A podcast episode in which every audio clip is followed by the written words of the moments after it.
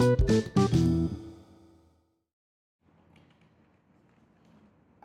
my friend, selamat apa ya? Enggak, ini kan ada yang dengerin pagi, siang, sore atau malam ya. Selamat pagi, siang, malam lah. Nah, kemarin baru banget gua upload itu gua bahas tentang soal PHK massal, terus juga kebijakan-kebijakan eh, perusahaan yang ngawur-ngawur buat gue gitu karena eh, di ruang tetangga gue, di ruang lingkup teman-teman gue tuh banyak juga yang dapat kebijakan-kebijakan aneh. Dan gue kemarin ngobrol bareng sama temen gue nih. Dia ini salah satu manajer marketing di salah satu perusahaan retail.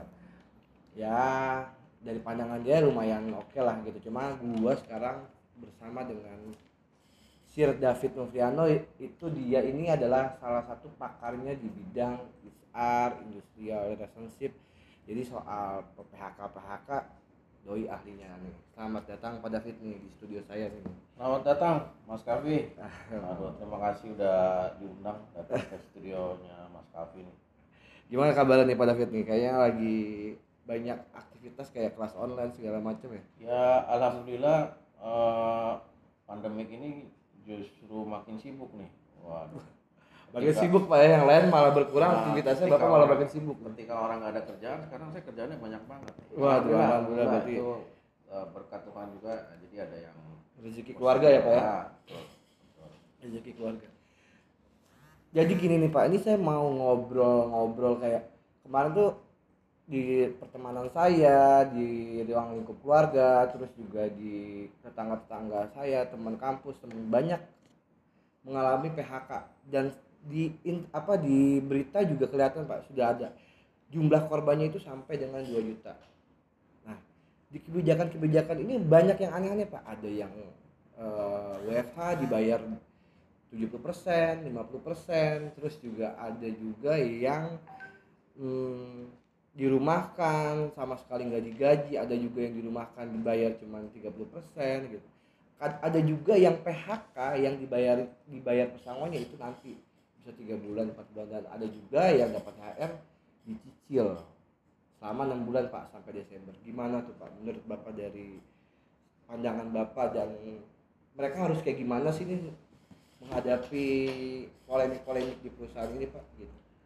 Ya, eh, tentu kondisi saat ini adalah kondisi yang kita lihat kondisi yang tidak normal.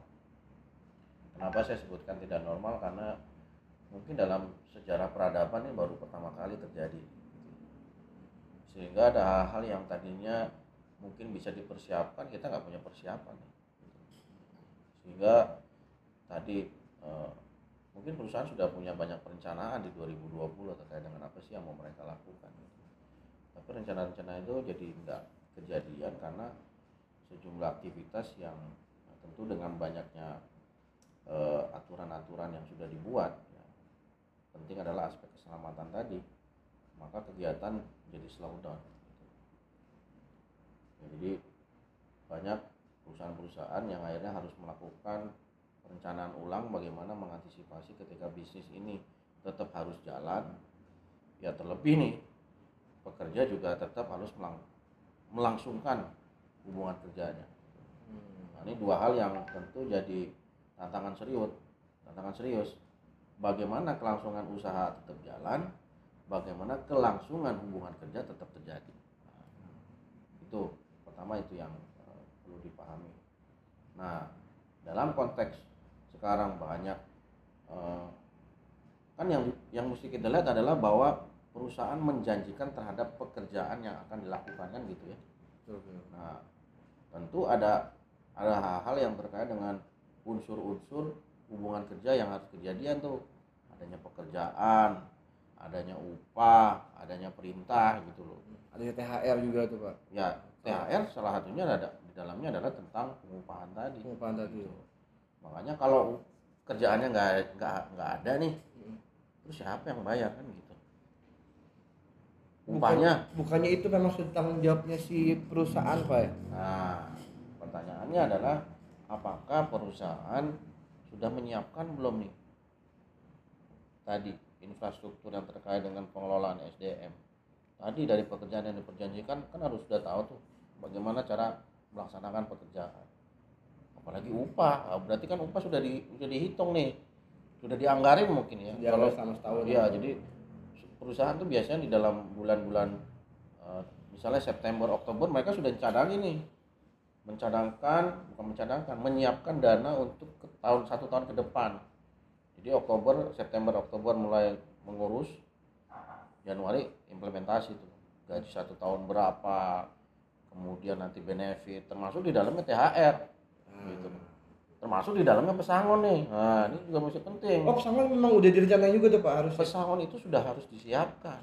Makanya di dalam di dalam peraturan itu ada kita menyebutnya PSAK 24 perusahaan itu sudah men- harusnya sudah menghitung mencadangkan berapa sih nilai pesangon yang mesti disiapkan sampai nanti amit-amit yang baik kalau perusahaan tutup gitu. itu harus disiapkan ya setiap bulannya itu di accrual kita bilangnya berapa berapa Tapi kalau menurut Bap- Bapak sendiri kan sekarang sudah fokus punya perusahaan sendiri dan Mm. yang menjadi trainer segala macam ya Pak ya Iya. dan pakarnya juga di bidang IA. Nah, saya ngelihatnya kalau lihat kayak banyak beberapa perusahaan yang kayak jadi aji mumpung Pak. Jadi kayak mungkin bahasa kasarnya mengkambing hitamkan si Covid ini. Padahal kan mereka mungkin kalau kalau ini cuma dari kacamata saya yang saya tahu ya Pak kayak misalnya kayak perusahaan kecuali perusahaan yang baru berkembang selama satu tahun atau enam bulan atau lima bulan oke lah. Mereka nggak punya untuk ngasih THR atau memanusiakan si karyawannya itu. Tapi kan kebanyakan perusahaan-perusahaan yang sudah berjalan 5 sampai 10 tahun dia bisa-bisanya kayak gitu. Gimana menurut Bapak? Kalau tentang kayak perusahaan yang buat saya sih kayak kelihatannya aji mumpung kayak gitu. Ya sebenarnya gini perlu diluruskan gitu ya. Memang ada prakteknya ya. Saya tidak me, tidak me, apa tidak bilang bahwa ini nggak ada. Nah, jadi fakta di lapangan itu perusahaan ada. Perusahaan nakal nih. Perusahaan saya bilangnya perusahaan nakal gitu loh. Hmm. perusahaan nakal yang ya udah pokoknya gimana caranya biaya tenaga kerja adalah biaya pertama yang akan gua cut. Masuk di THR termasuk upah. Upah THR mungkin pesangon gitu. Ada ada praktek itu. Nah namun sebenarnya begini yang perlu dilihat.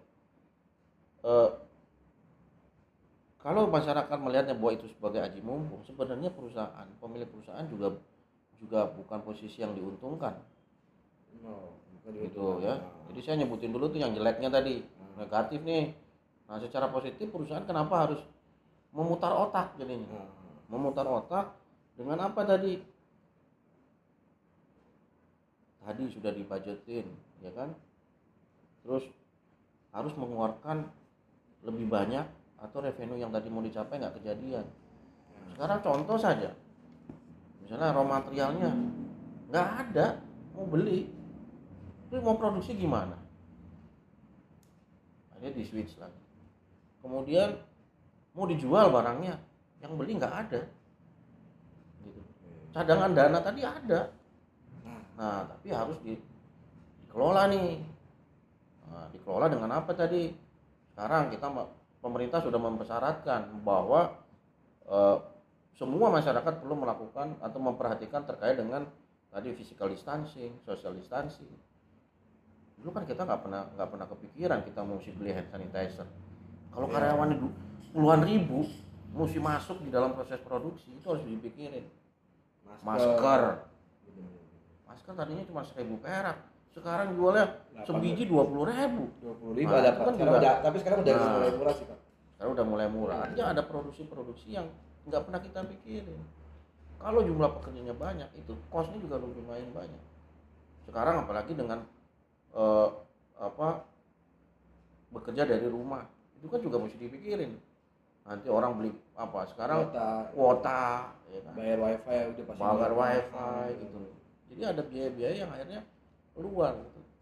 memang kita nggak bisa nggak bisa pungkiri banyak ada perusahaan ada praktek-praktek atau oknum lah saya bilangnya ya oknum perusahaan yang tadi me- melakukan ya udahlah pokoknya biaya tenaga kerjanya dilakukan dulu deh dipotong dulu deh Tapi secara hukum sah nggak sih Pak ketika orang di work from home WFH dia dibayar dengan 70% gitu. Atau kalau buat saya masih make sense ketika hilang uang transportnya atau uang makannya karena dia nggak keluar kan- nggak keluar rumah.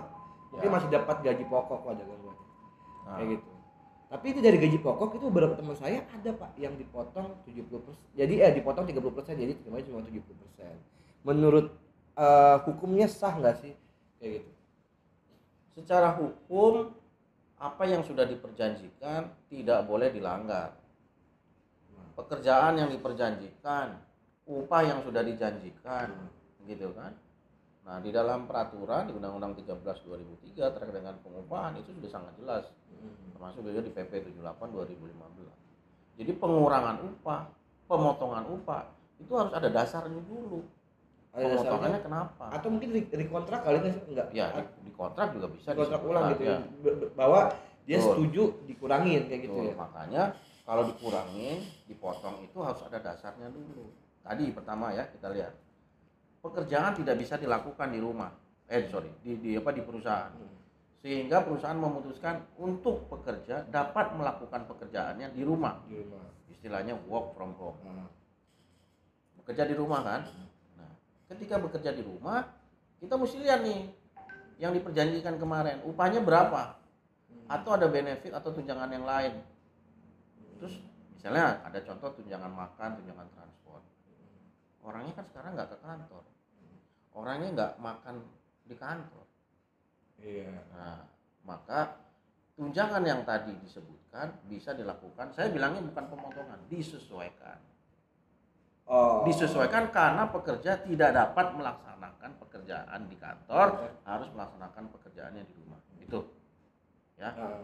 itu namanya work from home ya, boleh boleh sepanjang disampaikan dikomunikasikan dan disepakati nah disepakati itu kan mungkin Ya. bisa eh, Oh. tanda tangan kontrak ulang Ya. atau kita bilangnya nanti dibuat ulang. satu perjanjian bersama Ya, terkait dengan misalnya bahwa perusahaan eh, terhitung tanggal misalnya eh, 1 April 2020 bahwa tunjangan transport tidak dapat dilaksanakan, tidak dapat Hmm. diberikan gitu. dan banyak perusahaan-perusahaan besar pak ya saya nggak mau sebut ya pokoknya ada perusahaan besar internet dan lain-lain itu banyak yang nggak melakukan praktek ini jadi ya udah dipotong aja langsung Ya. dipotong cuman pakai surat edaran by email memberitahukan bahwa akan ada Ya. penghilangan ini, ini itu menurut bapak? Mas?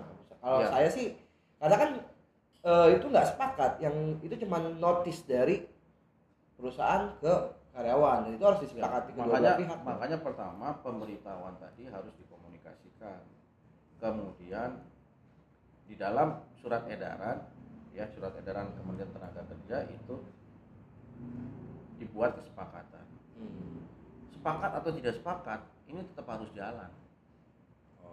Karena kondisinya kan perusahaan nggak bisa mengambil alternatif lain kalau secara hukum ya kalau tadi saya bilang nggak boleh dikurangin ya salah Gitu. tapi kan ada sebab lain yang menyebabkan bahwa tadi nih tidak bisa dilaksanakan nih pemberian tunjangan tadi Hmm. maka sepanjang dia disampaikan diberitahukan tentu harapannya adalah disepakatin tapi kalau tidak disepakatin ya itu tetap bisa dilakukan oleh perusahaan Oh tetap bisa langsung dilakukan. tetap ya? bisa dilakukan Tapi secara hukum secara hukum ya itu tadi kalau kita balik lagi tadi bahwa itu kita dilarang mengurangi.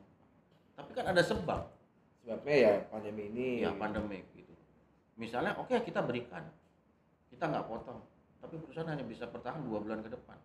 Kira-kira impactnya apa?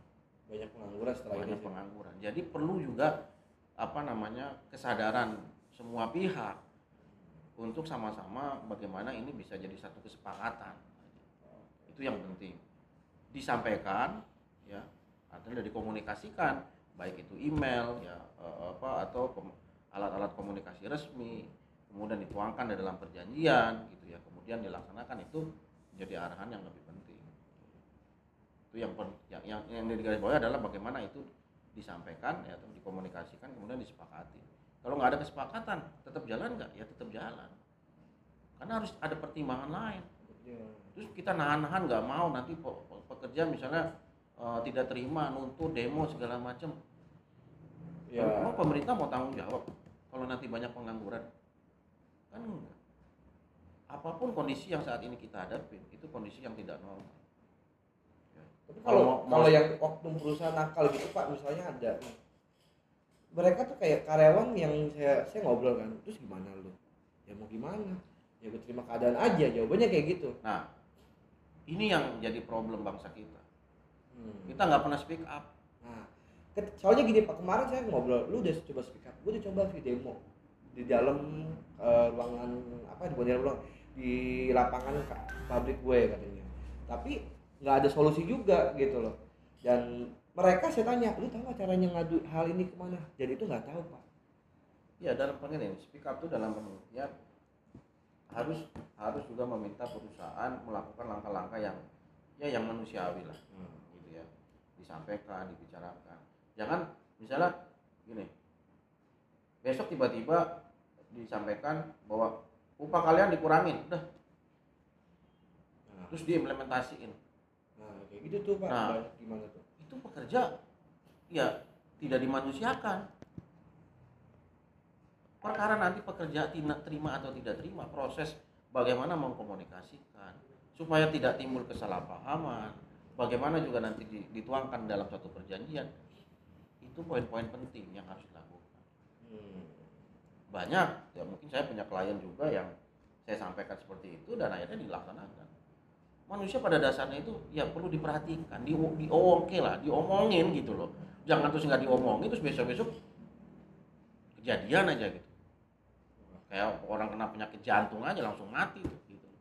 Tapi makanya yang yang kurang itu tadi. Speak up dalam artian speak up yang yang positif ya yang konstruktif. Kemudian perusahaan juga melakukan komunikasi yang elegan juga tadi menyampaikan. Hasilnya memang pahit. Hasilnya memang pahit. Nah kalau dari beberapa diskusi dengan teman-teman mau dibahas ke regulasi mana pun ya nggak bisa ketemu. Untuk covid ini pak. iya. Kalau ngomong fakta nih ya. Jadi kalau mau dibawa ke Iya. PHI atau Iya. ke Kemenaker Iya. segala macam. terus mau dibicara nanti gimana kita juga apa ya eh, eh, supaya comply gitu ya nggak jelas nih arah ke depan mau kayak gimana jadi yang selalu saya sarankan adalah dialog lah komunikasi lah bawa ke apa ajak karyawan-karyawan iya itu saja kok yang terjadi di lapangan karena karyawan pekerja tidak pernah diajak untuk saya bingung pak. HRD tuh kebanyakan dia pendidikannya apa sih pak? Kayak fakultas komunikasi kah atau segala macam? Karena saya banyak masukan dari teman eh bukan masuk ke ngobrol dari teman banyak HRD HRD sekarang itu yang kayak beras sebelah. Jadi dia cuma dapat kebijakan nih dari kantor segala macam disampaikan langsung segala macam. Tanpa kayak pada tugasnya kan namanya human resource department berarti berhubungan dengan manusia. Dan dia harusnya bisa dong pak staff-staff HRD-nya atau manajer HRD-nya itu buat eh, memanusiakan orang itu gitu. Dan balik lagi dia harus punya metode supaya nggak ada ketersinggungan dan nggak ada kebijakan-kebijakan yang ya. memberatkan ke karyawan. nah makanya gini.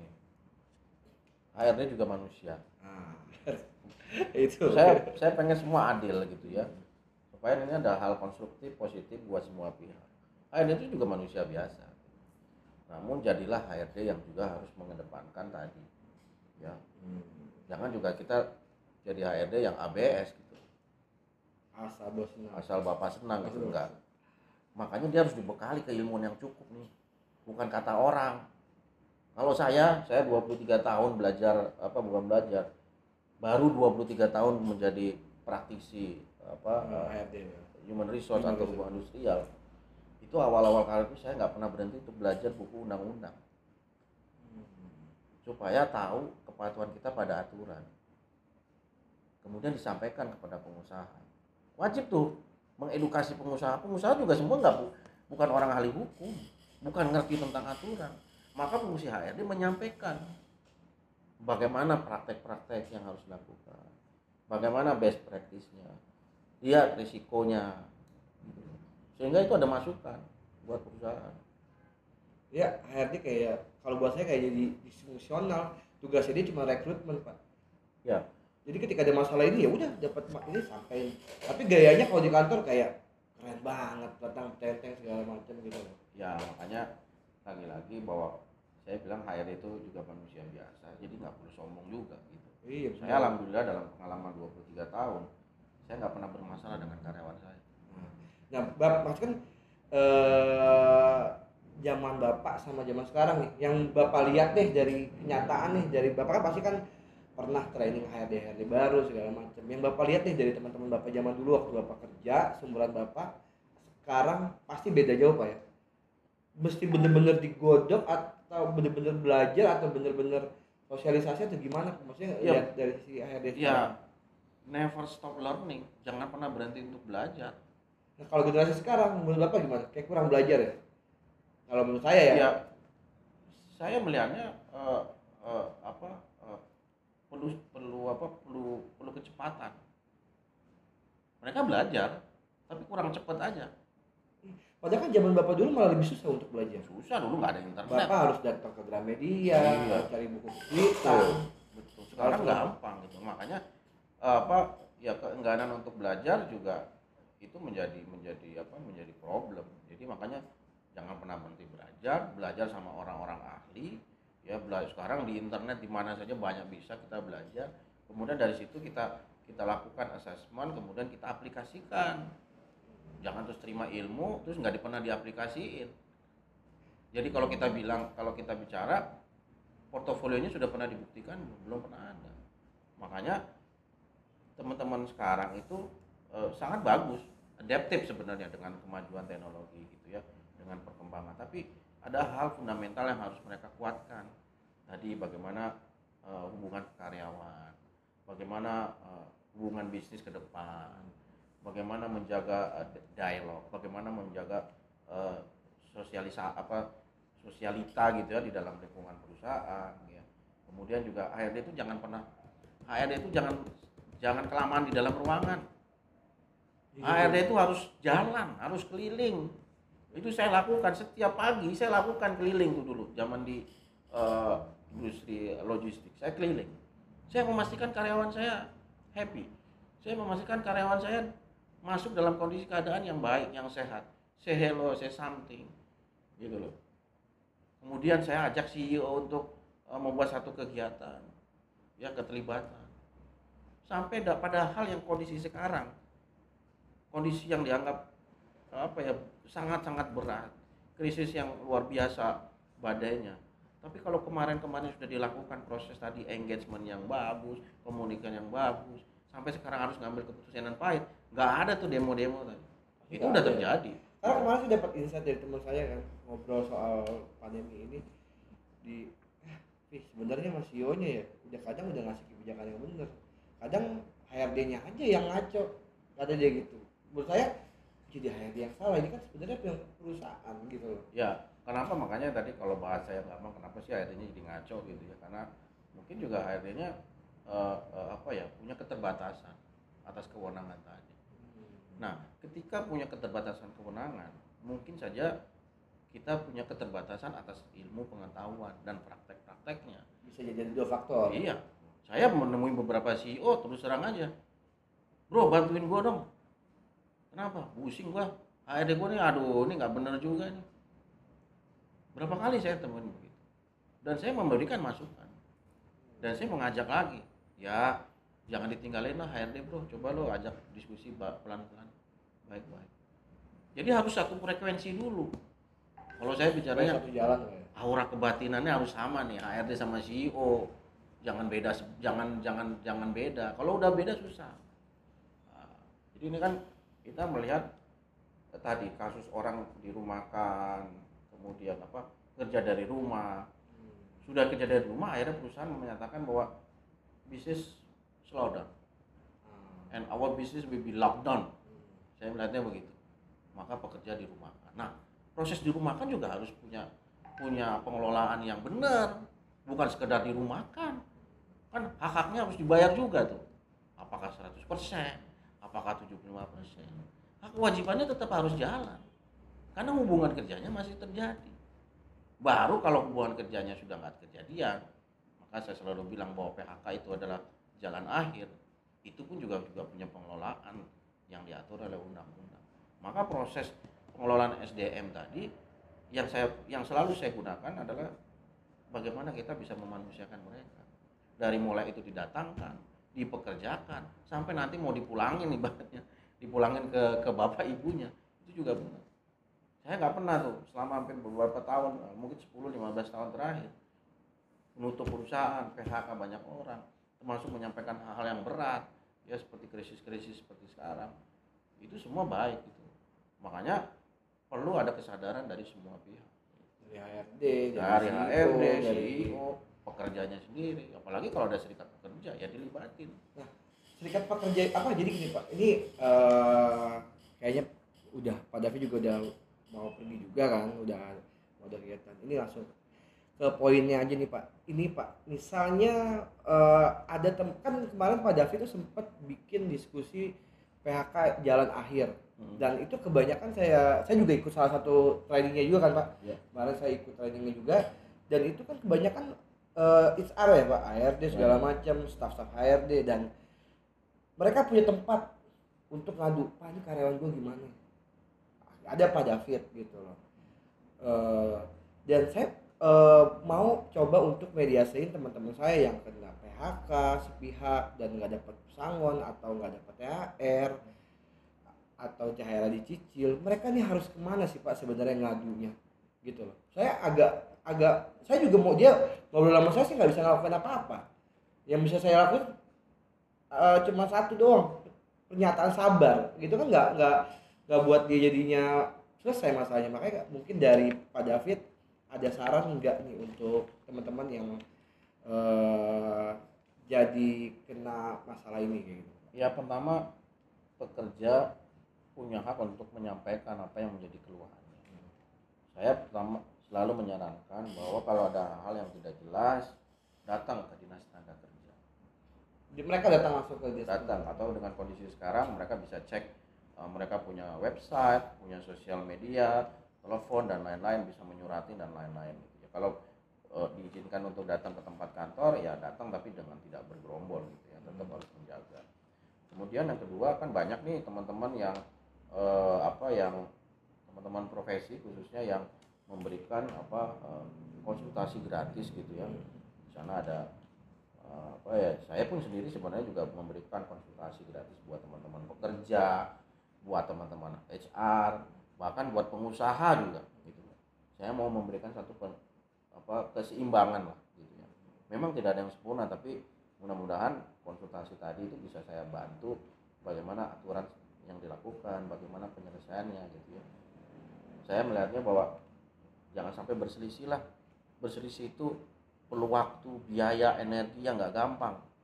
Jadi kalau kita ribut-ribut terus kita sementara kita besok tuh ada pekerjaan baru yang yang mungkin harus kita pikirin. Nah itu akan menjadi lebih penting ketimbang kita harus ribut-ribut. Karena sekarang terus terang dengan dengan pandemik ini ya tantangan regulasi bukan tantangan yang mudah gitu.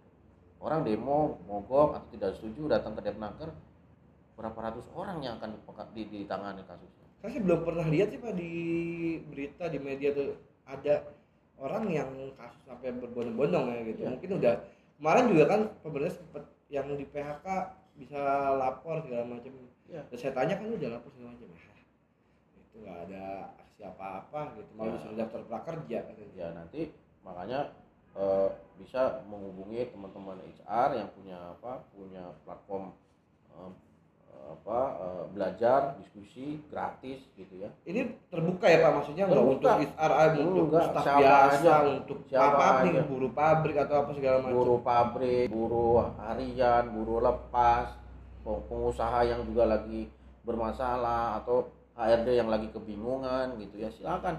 Itu bebas ini nanti Bebas. saya masukin di bio nih pak ya. Boleh, Eh, boleh silakan. belajar IR ada belajar ir.id ada ir talk Ada IR kemudian Talk. ada ruang naker gitu ya Hmm. nanti juga ada beberapa teman-teman yang akan mungkin nanti saya di sini saya saya di bio atau di deskripsi saya tulis ke mana teman-teman harus eh, berdiskusi masalah pada jadi Ya. buat teman-teman saya yang dengerin saya dengan ada masalah ini masalah PHK pengurangan gaji dan ngerasa tidak wajar bisa langsung diskusi nih diskusi. bisa bisa Nah, sangat di, sangat di belajar ID ini timnya eh, yang Pak David sendiri atau Pak David punya tim juga kita punya tim oh punya Ya, tim saya punya tim kebetulan ada teman-teman yang berlatar belakang eh, profesi HR Mm-mm.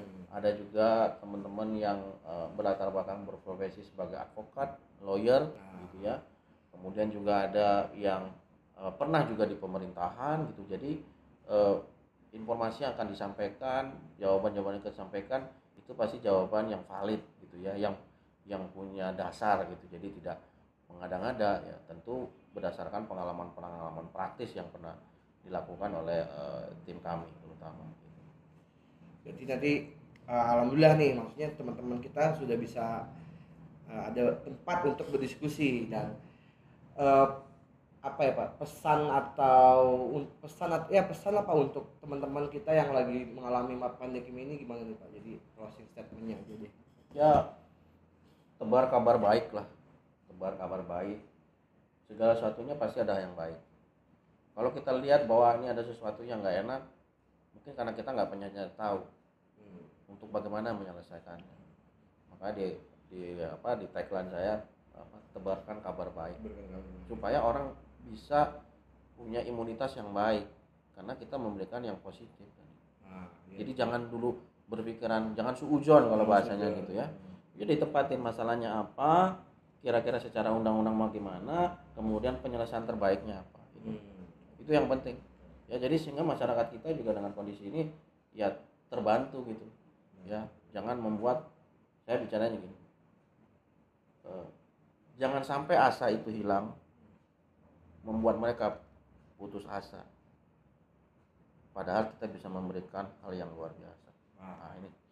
Itu quote saya selalu yang saya pakai. Bisa di, di ya. tandain tuh. Ya, ditandain. jangan membiarkan mereka kehilangan asa yang menyebabkan putus asa. Ya, tapi bangkitkan hal yang luar biasa. Ya, tuh, teman-teman dengerin. Oke, itu udah gitu aja. Sampai ketemu nanti di episode selanjutnya. Terima kasih banyak Pak David udah Ya. ngeluangin waktunya buat ngobrol-ngobrol sama-sama Mas. Kavi sukses buat saya buat semua pesan saya eh, salam sehat Indonesia stay at home stay positif dan Jaga stay for everybody Siap. ya Terima kasih Pak David. oke selamat pagi semua udah tuh